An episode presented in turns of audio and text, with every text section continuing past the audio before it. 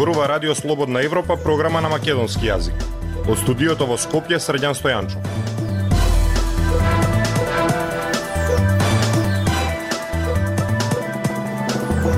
Добар ден, почитувани. Го слушате неделното интервју на Радио Слободна Европа. Наш денешен гостин е поранешниот министер за финансии Джевдет Хайредини. Тој вели дека зголемувањето на јавниот долг може да не значи ништо ако парите се користат за развој на економијата. Но ако тие пари не се користат за создавање нова вредност, туку се трошат за враќање стари долгови и крпење дупки, тогаш е многу загрижувачки. Власта размислува по принципот купи ден помини. За враќање нека размислуваат идните генерации, вели тој. Слушајте ме. Господине Хајредини, според стратегијата за управување со јавен долг 2023-2025 година, која веќе е стигната пред пратениците, јавниот долг годинава ќе надмине рекордни 65% од бруто домашниот производ. Како гледате на тоа? Не е толку од значење процентот на јавниот долг учеството во обштествениот бруто продукт кај, зем, кај некои земји, како што е Македонија и сите посиромашни земји. Може тоа да не значи ништо, доколку задолжувањето парите се користат продуктивно. Значи, ако земаме пари, средства, кредити од заеми од странство, да ги користиме за раст на обшествениот брутопродукт. Тогај може да биде и 100 на 100. Меѓутоа, ако парите што си државата се задолжува во странство, не се користат за создавање на нова вредност овде, или се задолжуваме со висока камата, а ние не остваруваме раст таков за да може без проблеми долговите да се вратат, тога и 30 настоje многу. Колку е за Македонија доволно? Која е нашата граница? Па нашата граница сакам да повтора. И Македонија не ги користи парите за продуктивно инвестирање во земјата. И затоа сега, кога расте долгот, повеќе ние со тие нови задолжувања ги користиме за враќање на предходно земените кредити jer не сме во состојба да ги враќаме, jer не сме создавали обштествен бруто продукт со што ствара акумулација за да ги вратиш парите. Значи проблемот е во Македонија, кажав, и, и слични земји како Македонија, кои не се немат административен капацитет. Немаме да ги средствата што ги земаме од странство како заеми, продуктивно да ги инвестираме во земјата. Тогај нема проблем. Проблем има со тоа кај овие земји не се во состојба да така ги користат парите. Секој пети граѓанин во државата живее под прагот на сиромаштија. Трошуците за живот во јуни пораснале за 14%, а храната за една година е порасната дури 20%. Колку луѓе дополнително ова ќе отера во сиромаштија? Па тоа луѓето ќе ги тера А од друга страна, прочитајте што пишуваат и што сега се дискутира на парламент, бидејќи е ребалансот е во тоа. Таму ако ги слушаш представниците на власта, тие викаат дека за све водат сметка, дека владата и поради успешна политика на владата успешно ги, ги пребродуваме последиците од кризата и енергетската и о не зборуваат апсолутно само критички. По овие, во овие вакви динамични и драматични движења не е никаков грев да некои луѓе се повлечат ако чувствуваат дека не е во состојба да се справи. Овде едноставно на, им е изборите па изборите. Не гледа секој втори избор им е избори 24 Како да е тоа толку битно? избори 24-та. Ја не викам дека ќе дојде некој друг, ако има предвремени избори и овие проблеми ќе нема да бидат присутни.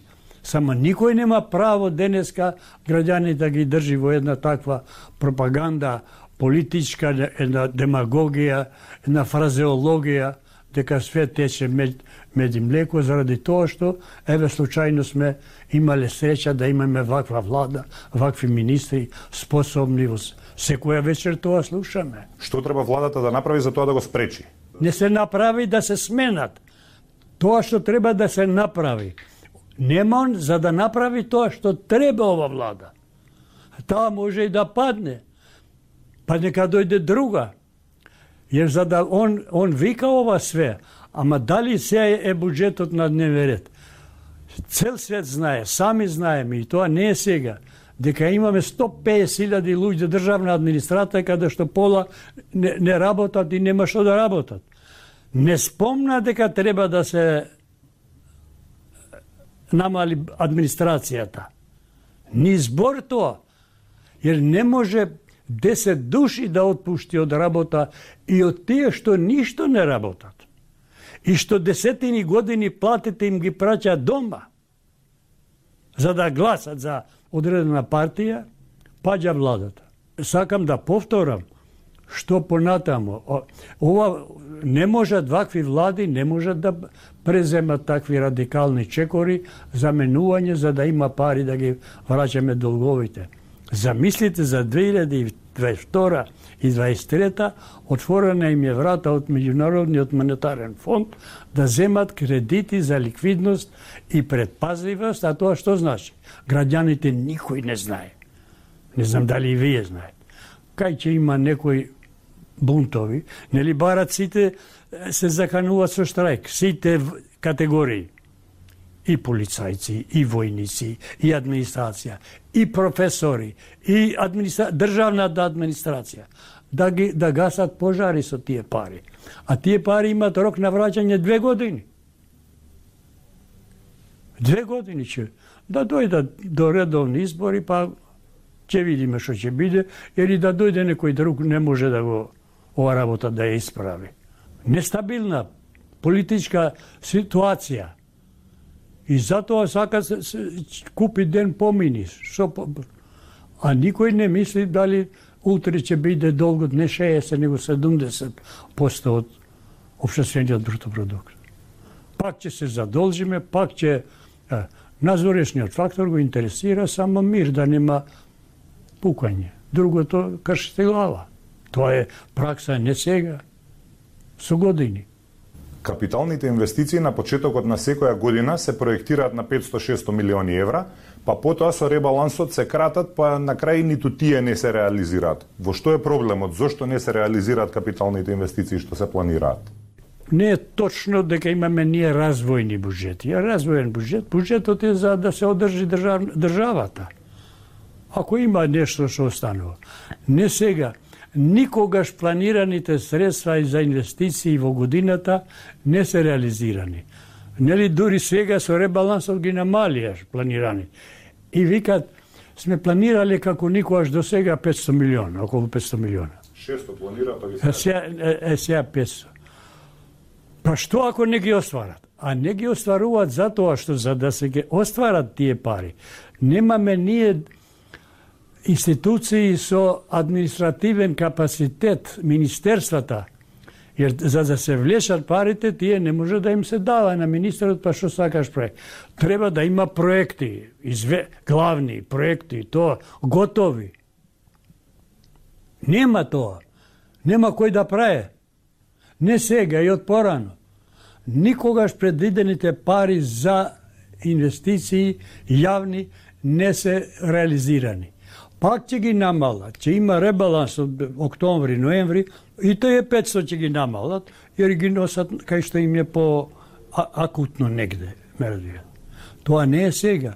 Друго па ние парите се планирани и предвидени, балансирани од буџетот за инвестиции, никогаш не биле поголеми од дотацијата на пензискиот фонд со овие стапки на економски раст ќе го достигнеме стандардот на Европската Унија за 50-60 години, покажуваат меѓународните истражувања.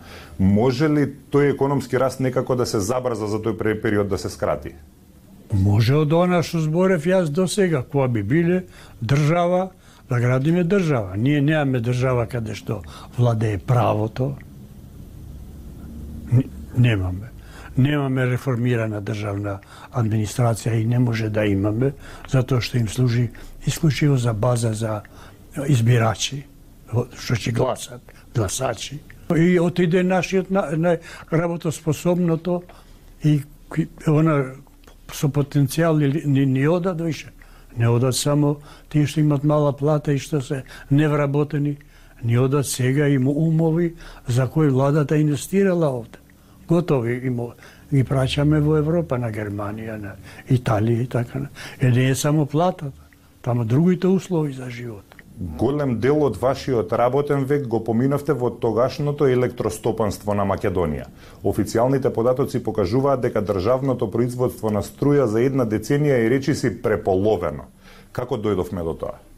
50 години не, се, не е изграден ниеден електроенергетски објект. Освен Козјак. Што одговор бара овде. Имавме ние 90-тите години во почетокот една голема промена. Имавме ние големи потрошувачи на електрична енергија, тоа беше железара, југохром, фени, топилница Велес. Тие горе доли им заврши мандатот. За железара трошеше струја рамно на цели сите домаќинства во Македонија. Внимавајте сама.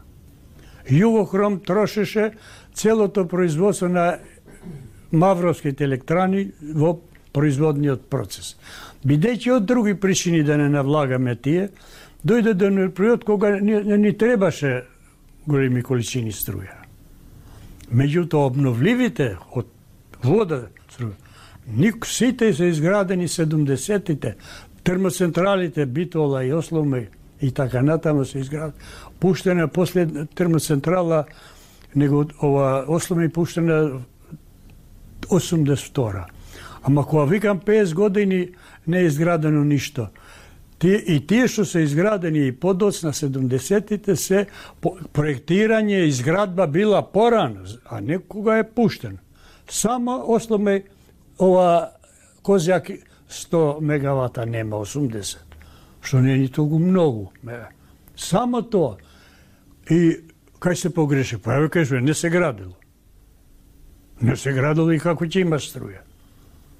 Битола кога е градено кошта милиарда 70-тите, она го дава 80 наста од купното потребно производство во Македонија. Дури сега се принудени да и не се во погон често пати, jer им истекол рекот на работниот век, Имат век на траење централите. 30 години на сите им и на Ослома и на Сега се принудени поради кризата дури да носат со јаглен, а ваму викат е, е, ова заштита на природата. Јаглен од Косово да чади. Од, од 2009 е затворена, не работела Осломе, сега мора да работи. И таму да го загади целиот повторно. Тој Значи, тотално државата немало лидерство ни во област ни со да, да долгорочно да вода сметка. Колку време ќе ни треба за да излеземе од оваа криза? О, инвестициите во енергетика, во, во храна, еве останавме без храна сега. А храната и енергетиката се покажа дека државите што повеќе треба да бидат независни. Значи, со вакво водење на политики, сакам да ти кажам, никој не знае колку време ќе треба, ни јас не можам тебе да ти одговорам. Го слушавте неделното интервју на Радио Слободна Европа во кое гостуваше поранешниот министер за финансии Джевдет Хајредини почитувани. Од студиото во Скопје со вас беа продуцентот Дејан Балаловски и Срдјан Стојанчо. До слушање.